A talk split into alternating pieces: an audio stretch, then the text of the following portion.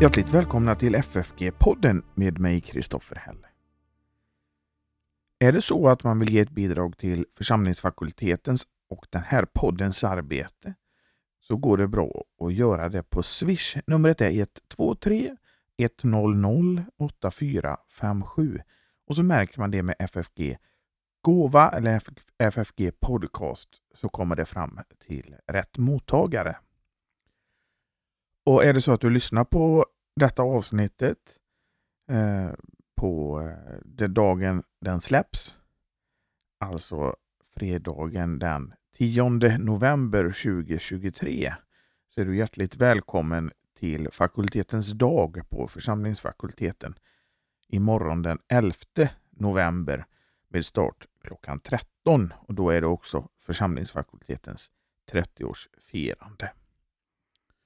Och eh, vill man så kan man få köpa våra tidigare jubileumsböcker för endast 30 kronor. Då är det Nåd och sanning som är 10-årsjubileet. Det är Fri och bunden, en bok om teologisk antropologi som är 20-årsboken och den mångfacetterade reformationen som är 25-årsboken. 30 kronor styck. Om man mejlar till info.ffg.se och säger att man har hört det i podden så är det 30 kronor styck plus porto.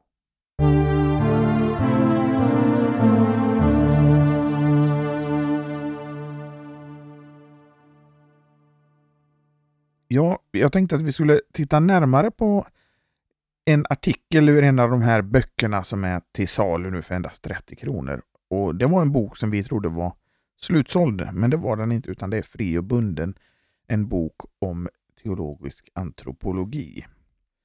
Och Jag tänkte att vi skulle dela upp det i två avsnitt. Så Det här är del ett och del två kommer snart. Och Den artikeln som vi ska titta närmare på, det är Bengt Hägglunds artikel med titeln Martin Luthers antropologi. Och Bengt Hägglund är ju en för poddens lyssnare, det är ett bekant namn för poddens lyssnare.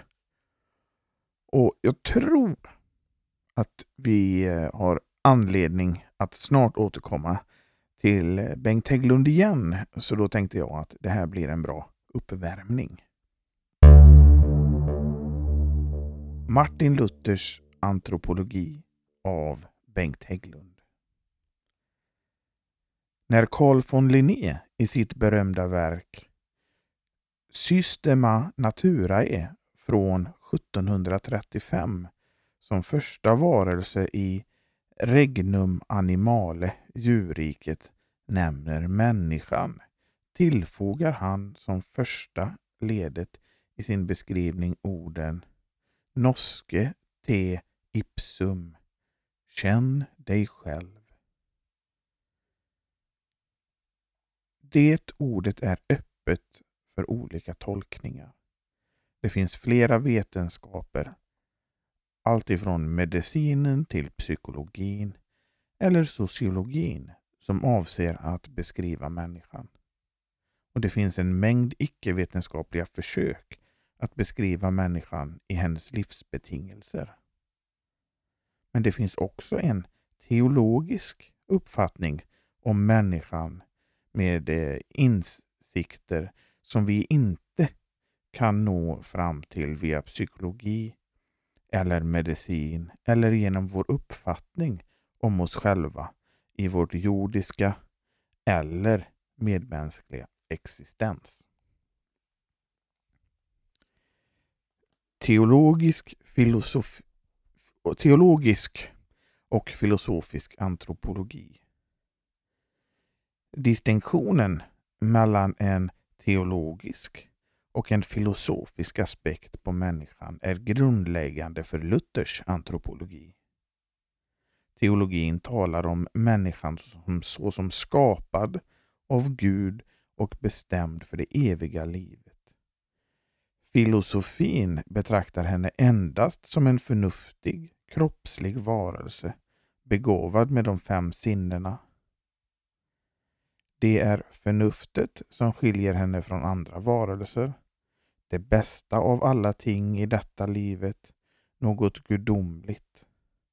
Förnuftet är uppfinnare och ledare av alla vetenskaper, av medicinen, juridiken och eh, allt som människan äger i detta livet av vishet, makt och ära. Men även om människan kan utforskas i det yttre kan varken förnuft eller vetenskapen räcka till för att verkligen förstå det kroppsliga, själsliga livets funktioner. Knappt ens det kroppsliga livet tycks vi känna tillräckligt. Något som trots nutidens enastående framsteg på detta område likväl äger en påtaglig sanning. Denna bristfälliga insikt om människan gäller givetvis ännu mer i relationen till teologin. Om vi jämför förnuftet och vetenskapen med teologin visar det sig att vi om människan nästan ingenting vet. Vad är det då som eh, utmärker den teologiska människouppfattningen som samtidigt är den bibliska? En grundförutsättning är att skriften ger oss en i förhållande till all förnuftskunskap ny insikt om människan. I teserna 20-23 i disputationen De homine ger Luther teologin definitionen av människan, nämligen att människan är en Guds skapelse som består av kropp och levande själ, från början jord till Guds avbild, utan synd, jord att förökas och härska över tingen och aldrig dö. Men efter Adams fall underkastad djävulens makt, synden och döden, vilka hon ej själv kan övervinna. Endast genom Kristus Jesus, Guds son, kan hon befrias. Och hon tror, om hon tror på honom, och få det eviga livet som gåva. Ställer man samman de båda definitionerna finner man att de beskriver människan i bestämda relationer med Luthers egna uttryck. Människan som vält person eller som kristperson. Eller med hans gängse formuleringar människan inför människor, människor coram hominibus och inför Gud coram deo. I det ena fallet gäller det hennes verksamhet och funktioner i det jordiska sammanhanget. Som yrkesman, som barn, förälder, granne, lärare, elev etc. I det andra fallet avses människan sådan hon är inför Gud. Insatt i den frälsningshistoria som Bibeln beskriver från skapelsen till den framtida evigheten.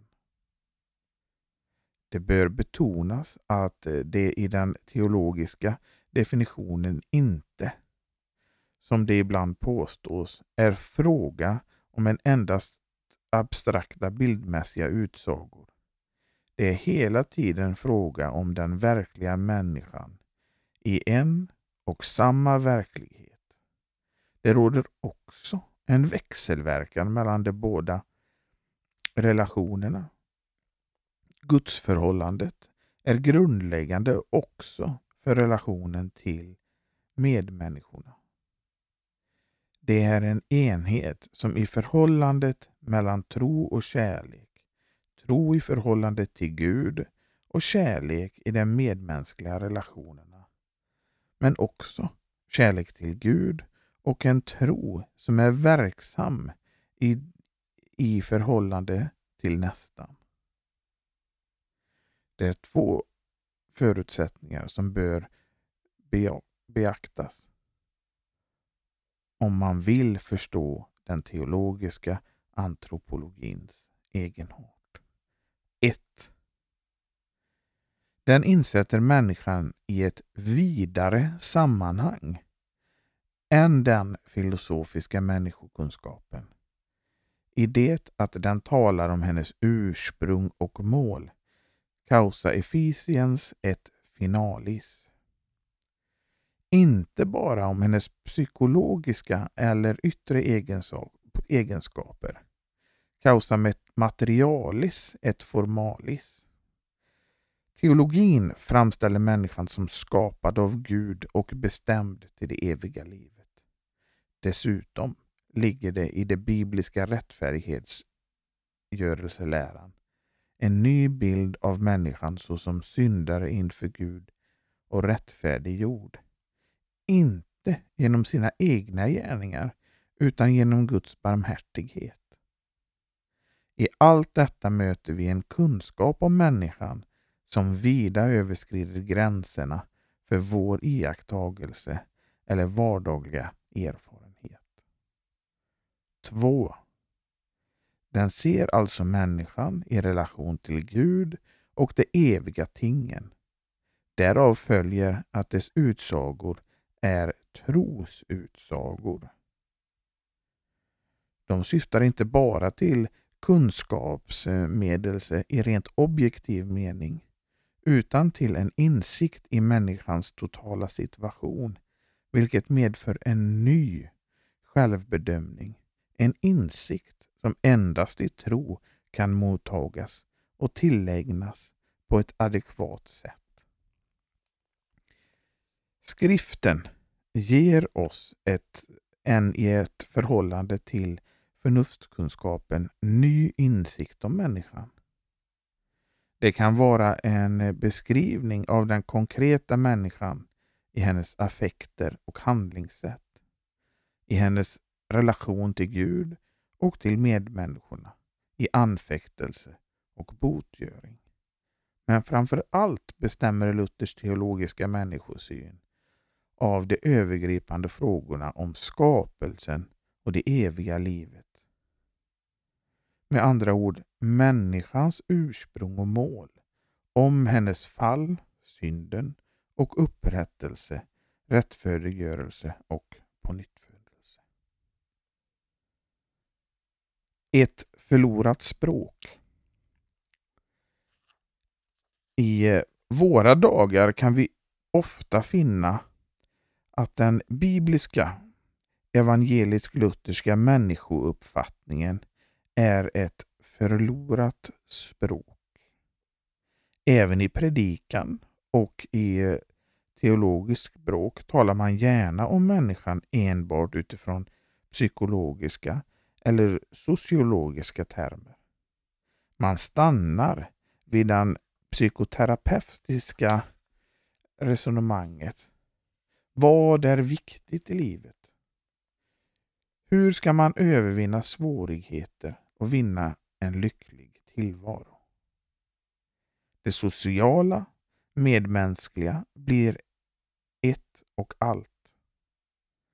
Man är oförstående inför den andra dimensionen, vad människan är inför Gud, inför lagens bud och evangeliets frihet. Vad synd och försoning är, som ofrånkomliga led i det som Bibeln har att säga om människan. Är det Bibelns perspektiv bör det rimligen också vara predikans och den teologiska kunskapens perspektiv. När detta bortfaller ersättes det ofta med ett allmänt resonemang om att människan ska bejaka sin egen värdighet, bekräfta sig själv och intala sig du är bra som du är. Människans uppfattning om sig själv i det världsliga sammanhanget präglas än av högmod, än av bristande självförtroende. Båda dera innebär att ett falsarium och båda bygger på att hon har sitt centrum i sig själv.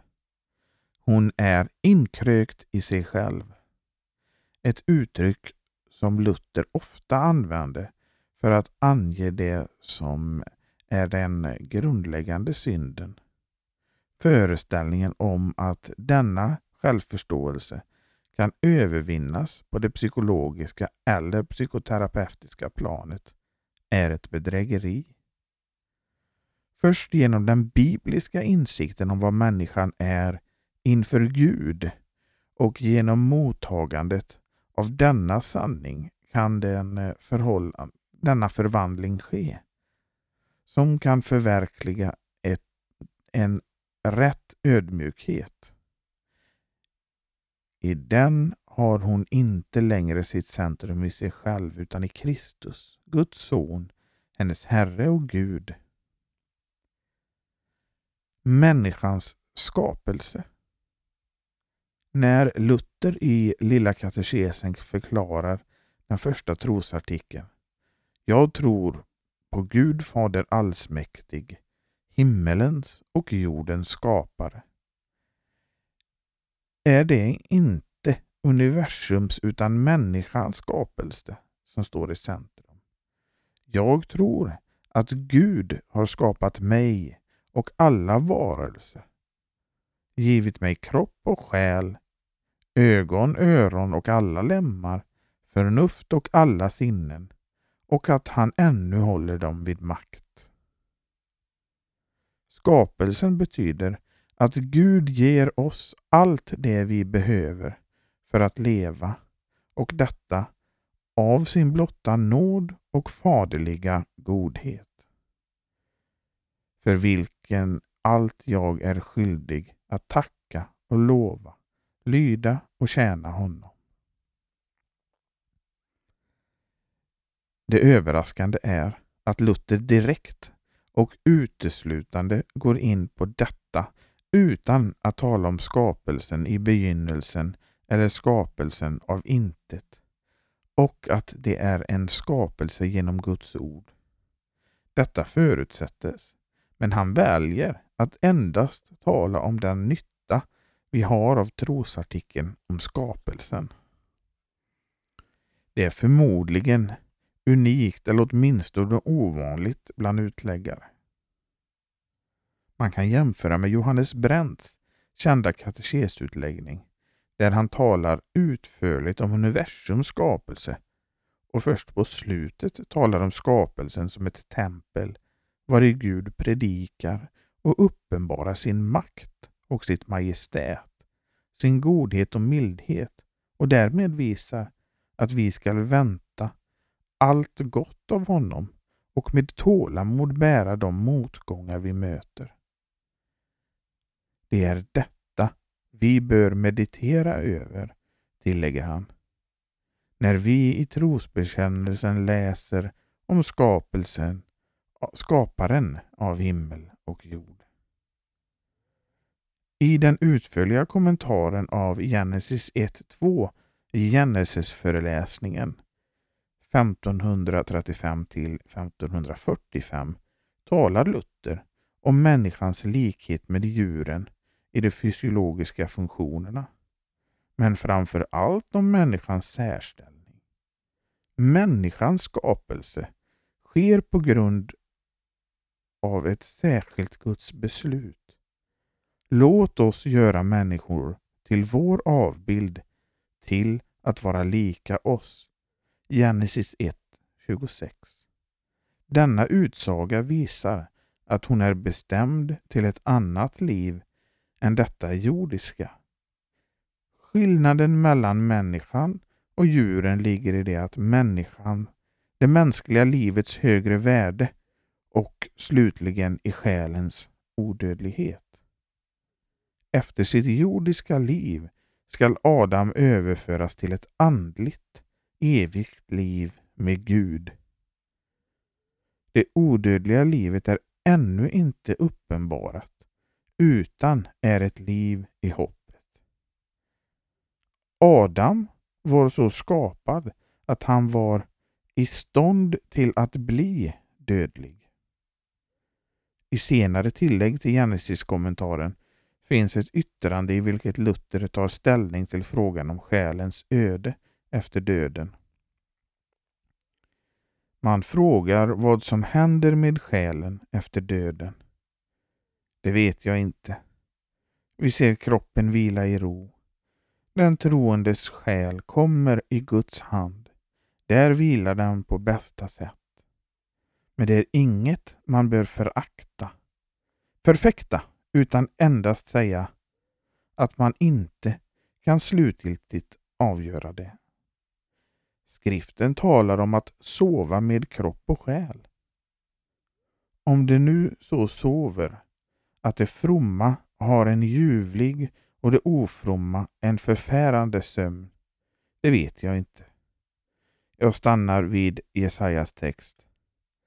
Det rättfärdiga vilar i frid. Det som här sägs syftar på mellantillståndet direkt efter döden. I kommentarens huvudtext beskrivs den slutgiltiga uppståndelsen i enlighet med första Korintierbrevet 1544 och fortsättningsvis som en övergång från det fysiska livet, vita, animalis, inom det jordiska livets villkor till det andliga livet, vita spiritualis.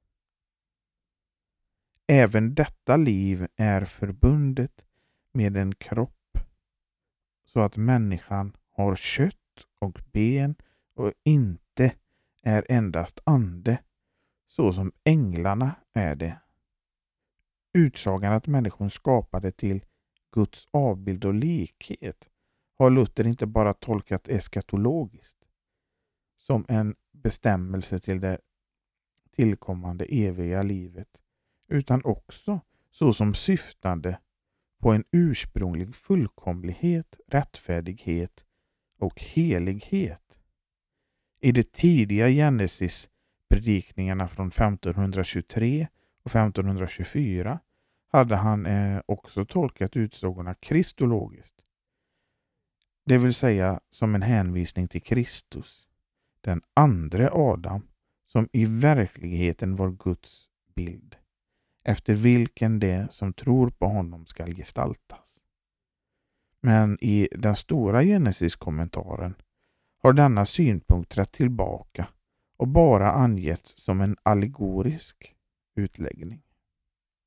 Istället betonas naturens ursprungliga oskaddhet, även om det är fullt klart att den ursprungliga gudslikheten måste anges som en res incognita. Vi kan inte utifrån den nuvarande människonaturen sluta oss till en ursprunglig fullkomlighet.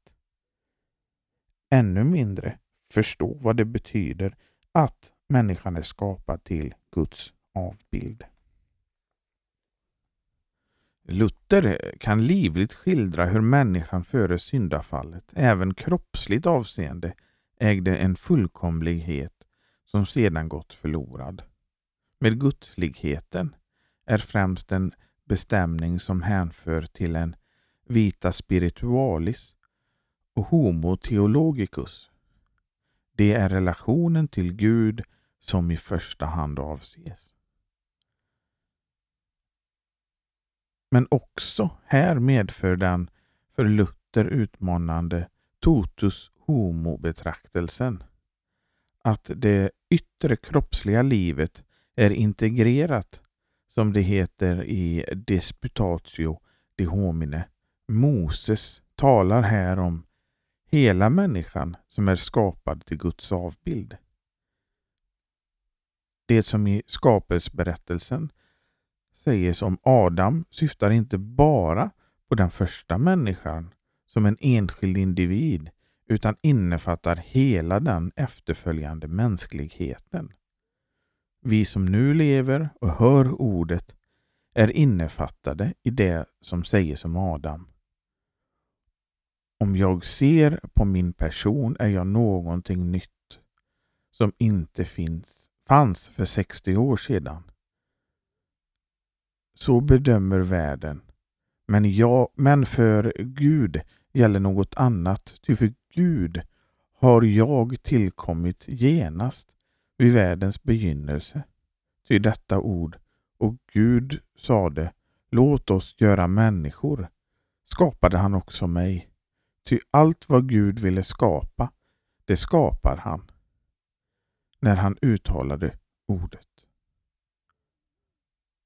För våra ögon blev allt inte uppenbarat på en gång, som pilen eller kulan från en kanon.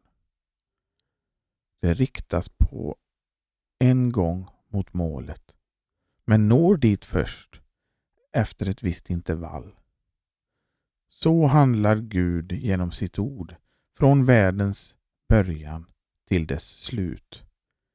Gud är i sin skapelse utanför tiden. Även om skapelsen först efterhand i tiden fullbordas. I dåtida teologi tolkades i anslutning till Augustinus utsagan om Guds avbild psykologiskt. Förnuft, vilja och minne som utmärker människan framför djuren betraktas som Guds avbild. Nådegåvorna, rättfärdighet och helighet som tilldelades människan i urtillståndet betecknades med termen gudslikhet, similitudio dei. Men denna tolkning var Luther icke tillfreds. En skillnad mellan begreppen imagio och similitudio fanns, fann han inte motiverad utifrån den hebreiska texten. Vidare var han inte benägen att jämställa gudsbilden med förnuftets förmåga, då man ofta förband denna tolkning med tanken på den fria viljan även hos den fallna människan var i stånd till att göra det goda och medverka till frälsningen. Luther förnekar alltså att gudsbilden är att söka i människans vanliga psykologiska utrustning. Den är i första hand förbunden med det andliga livet och betyder den rättfärdighet och fullkomliga gudsgemenskap och gudslydnad vartill människan skapades.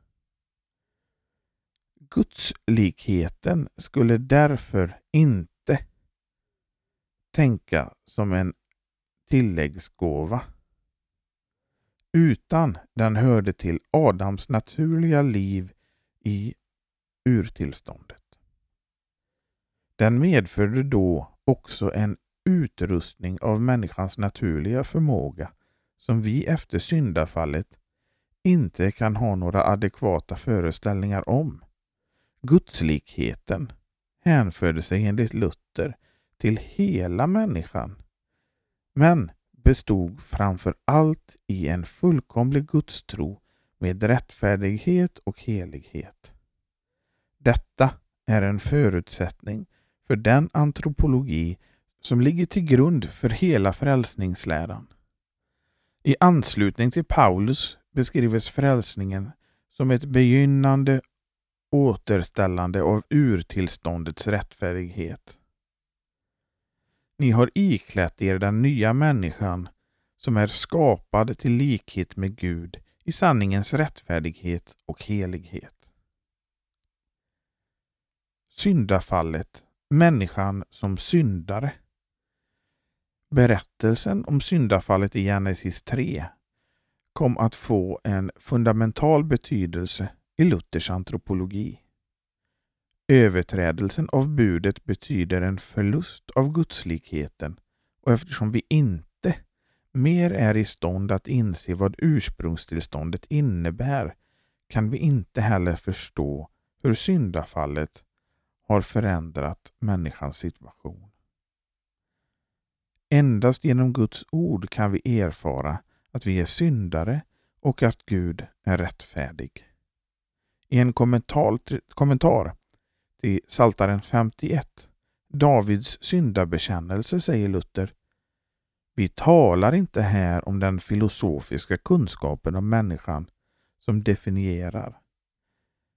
Människan är ett animal rationale, förnuftsbegåvat djur, etc. Sådana ting hör till naturvetenskapen men inte till teologin. Vidare talar juristen om människan som ägare och herre till egendom. Läkaren talar om människan som frisk eller sjuk. Men teologin räknar med människan som syndare. Det är människans väsen för teologin. Att, att teologin är det, detta som avhandlas. Att människan uppfattar denna sin natur som förstörd av synden. Det framhålles också att den adekvata formen för att uttrycka denna insikt är bönen och bekännelsen. Inte ett objektivt vetande som i psykologin. Med synd menas här inte bara syndiga tankar, ord och handlingar utan något som gäller själva personen, människans inre, något som är fördolt. Ett occultissimum vitium, ett i högsta grad förborgat fel. I den Augsburgska bekännelsen 1530 säger Melanchthon som definition av arvsynden att alla människor föddes utan fruktan för Gud, utan förtröstan på Gud samt med ond begärelse. Denna definition betecknades vid de teologiska förhandlingarna i Augsburg som något nytt och främmande. Det vanliga var att man beskrev arvsynden som en förlust av den ursprungliga rättfärdigheten. Ett lärosätt som även Luther kan använda i sin Genesis-föreläsning. Han finner där i ingen motsättning till att arvsynden har sin grund i otron, vilket för honom är det avgörande. Han finner det noga illustrerat att i den ursprungliga berättelsen ormen börjar sitt samtal med kvinnan med att bringa henne till tvivel på Guds ord. Dess fråga Skall, Skulle Gud ha sagt så? anser att ifrågasätta Guds befallning. När Eva inte längre håller fast vid vad Gud har sagt ger hon efter för frestelsen. Otron är alltså det första, begärelsen, den onda lusten är en följd av den grundläggande synden som i och med otron redan är för handen. Arvsynden är något förblivande, själva roten i människans inre som står bakom de onda handlingarna och präglar allt vad människan gör. Den upphör inte förrän kroppen upplöses i döden.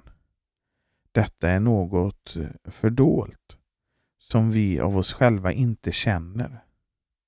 Även om människan i det yttre gör det goda motsvarar hon inte det som är det yttersta kravet. Att älska Gud över allting. Och av hjärtats grund frivilligt motsvara Guds vilja. Det leder till den till synes paradoxala slutsatsen att även en kristens goda gärningar är synd om man bortser från Guds barmhärtighet och icke tillräknande av synden. Utsagorna om människan som syndare gäller vad hon är inför Gud, coram deo, och innebär en självuppfattning som framför allt blir aktuell i bönen inför den i tron uppståndne, in, i den i tron inneboende Kristus.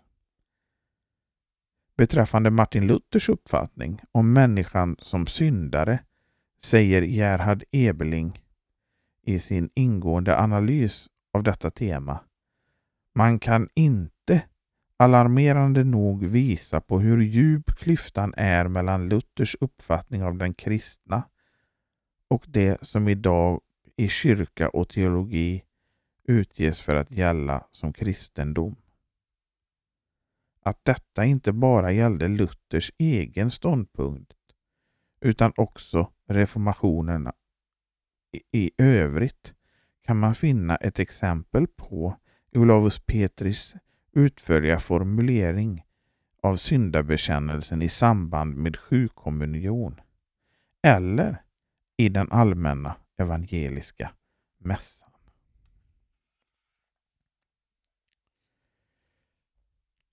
Totus homo och den inre människan.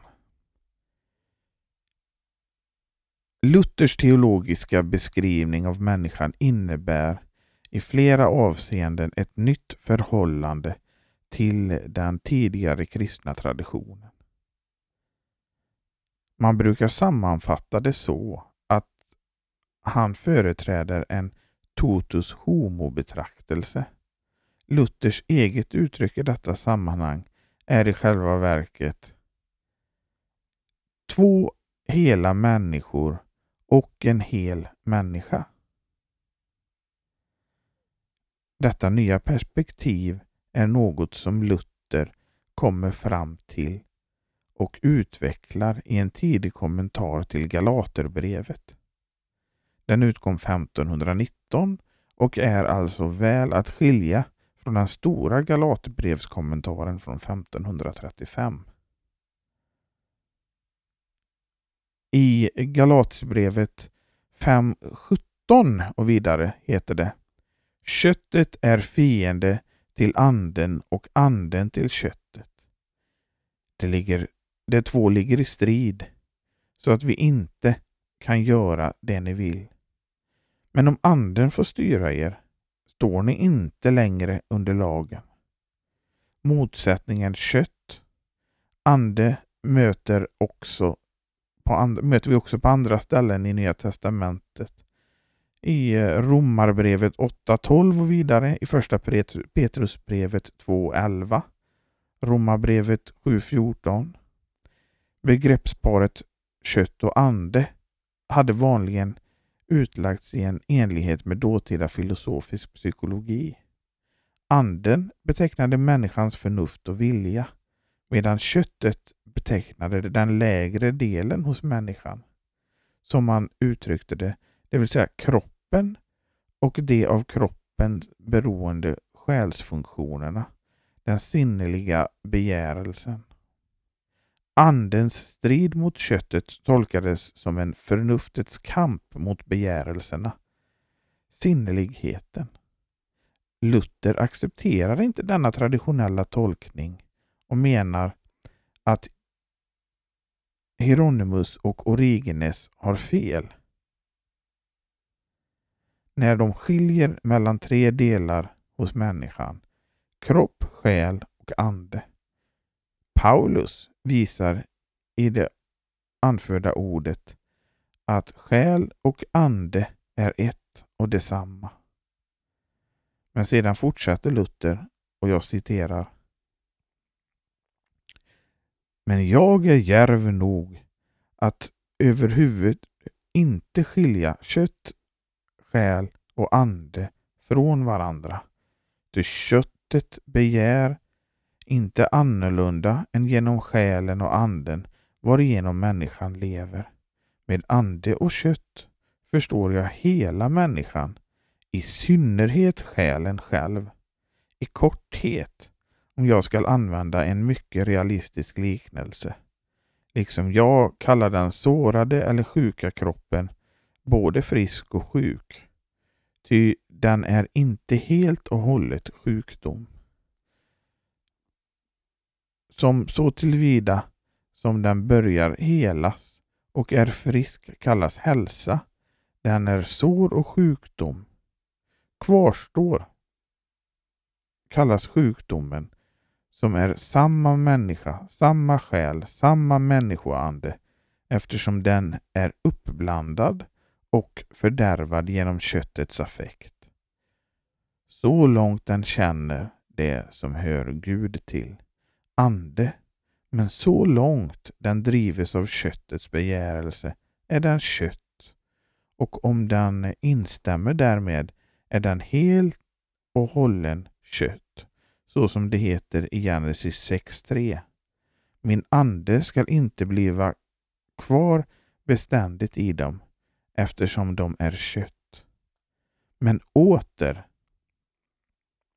om den samtycker om Guds lag, är den hel och hållen ande, vilket skall komma att förverkligas när kroppen blir andlig. Dessa två människor skall alltså inte föreställas som åtskilda, utan det är med en annan liknelse så som morgongryningen som varken är dag eller natt, men kan kallas båda delarna. Dock mera dag till vilken den vänder sig från nattens mörker. Men på ett långt klarare sätt visas samma sak genom den halvdöde hos Lukas som tages upp av samariten och visserligen botas men ännu inte är helt frisk. På samma sätt botas också vi i kyrkan men är ännu inte helt friska. På grund av att det e-, ena kallar vi kött, på grund av att det andra ande. Det är hela människan som älskar renheten, men samma hela människa som retas av det lockande begärelserna. Det är två hela människor och en enda hel människa. På så sätt att människan strider mot sig själv och är emot sig själv. Vill och vill icke. Och detta är Guds nåds ära, att den gör oss till fiender mot oss själva. Den nu beskrivna totus homo-betraktelsen tillämpas också i flera andra sammanhang i den bibliska beskrivningen av människan med termer som vi för, framför allt finner hos aposteln Paulus. Gammal människa, ny människa, lekamlig, andlig, yttre, inre människa. Luther sammanfattar på följande sätt. Människan äger nämligen en tvåfaldig natur, en andlig och en lekamlig. Med hänsyn till den andliga, som man eh, benämner själ, kallas hon en andlig invärtes människa.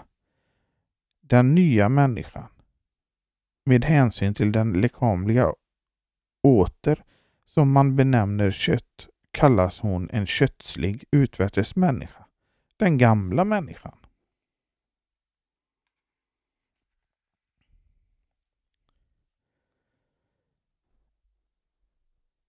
Härom säger aposteln i Andra Korintierbrevet 4.16 Om och vår utvärtes människa förgås så förnyas dock den invärtes dag efter dag. Denna åtskillnad är det som gör att skriften uttalar mot varandra stridande ord om en och samma människa, så som det är det ju och i verkligheten hos samma människa finns två människor som bekämpar varandra. I, i det köttet har begärelse mot anden och anden mot köttet.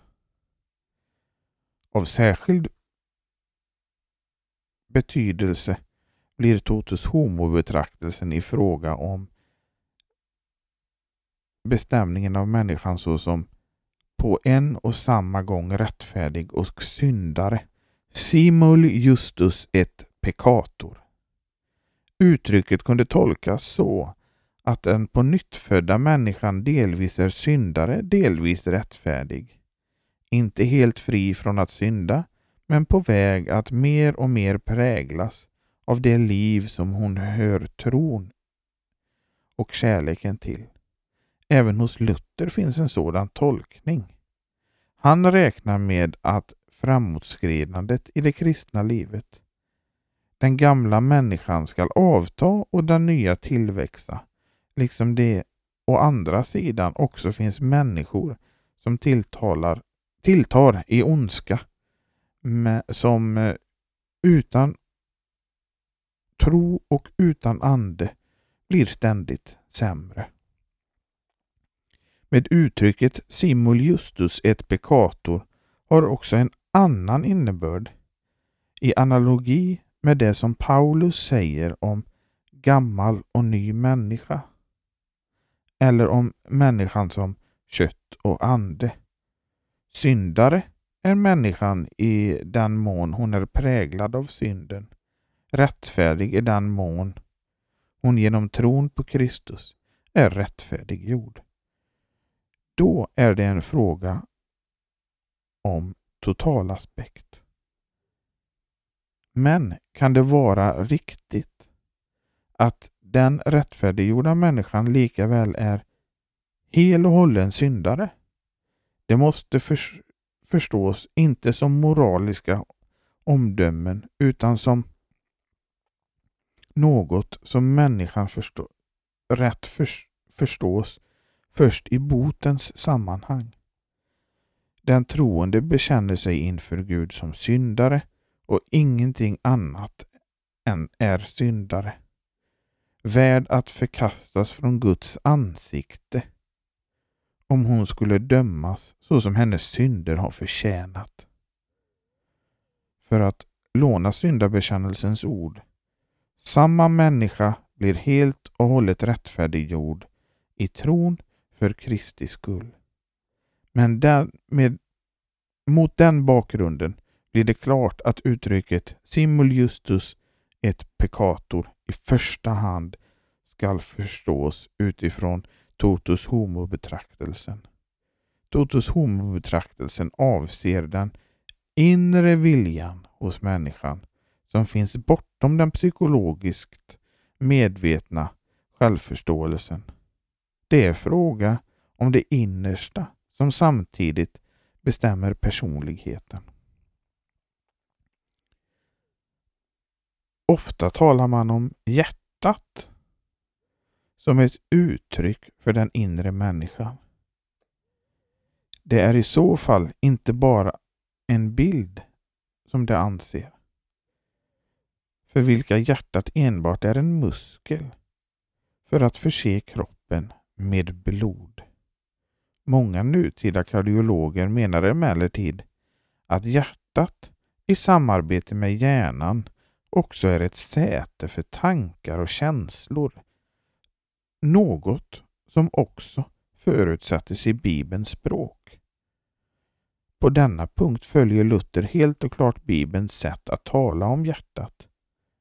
Både i sin bibelöversättning och i sina skrifter för övrigt.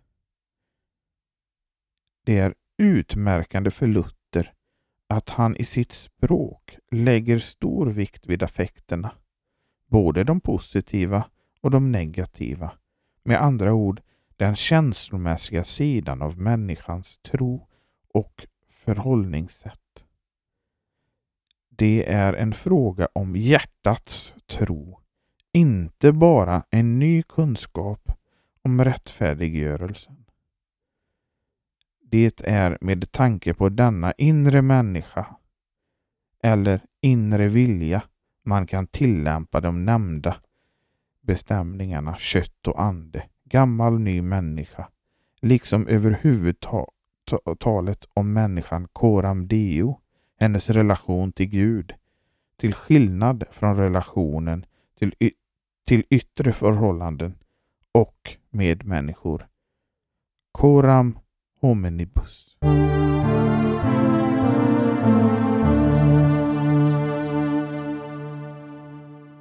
Ja, där slutar vi för den här gången och fortsätter snart igen.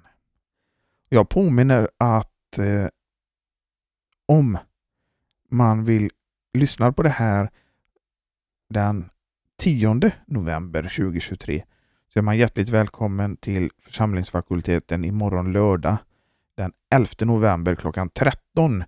För då har vi fakultetens dag med församlingsfakultetens 30-årsfirande.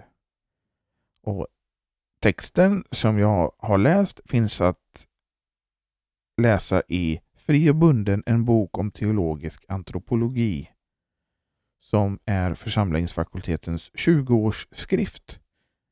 Och den tillsammans med 10-årsskriften och 25-årsskriften finns för poddens lyssnare att köpa för 30 kronor styck plus porto. Då mejlar man info.ffg.se, skriver att man har hört det i podden så får man köpa bo, bo, böckerna för 30 kronor styck plus porto. Och vill man ge en gåva på Swish så går det bra på 123 100 8457 och så märker man det med FFG gåva eller FFG podcast så kommer det fram till rätt mottagare. Och vi hörs igen snart. Hej då!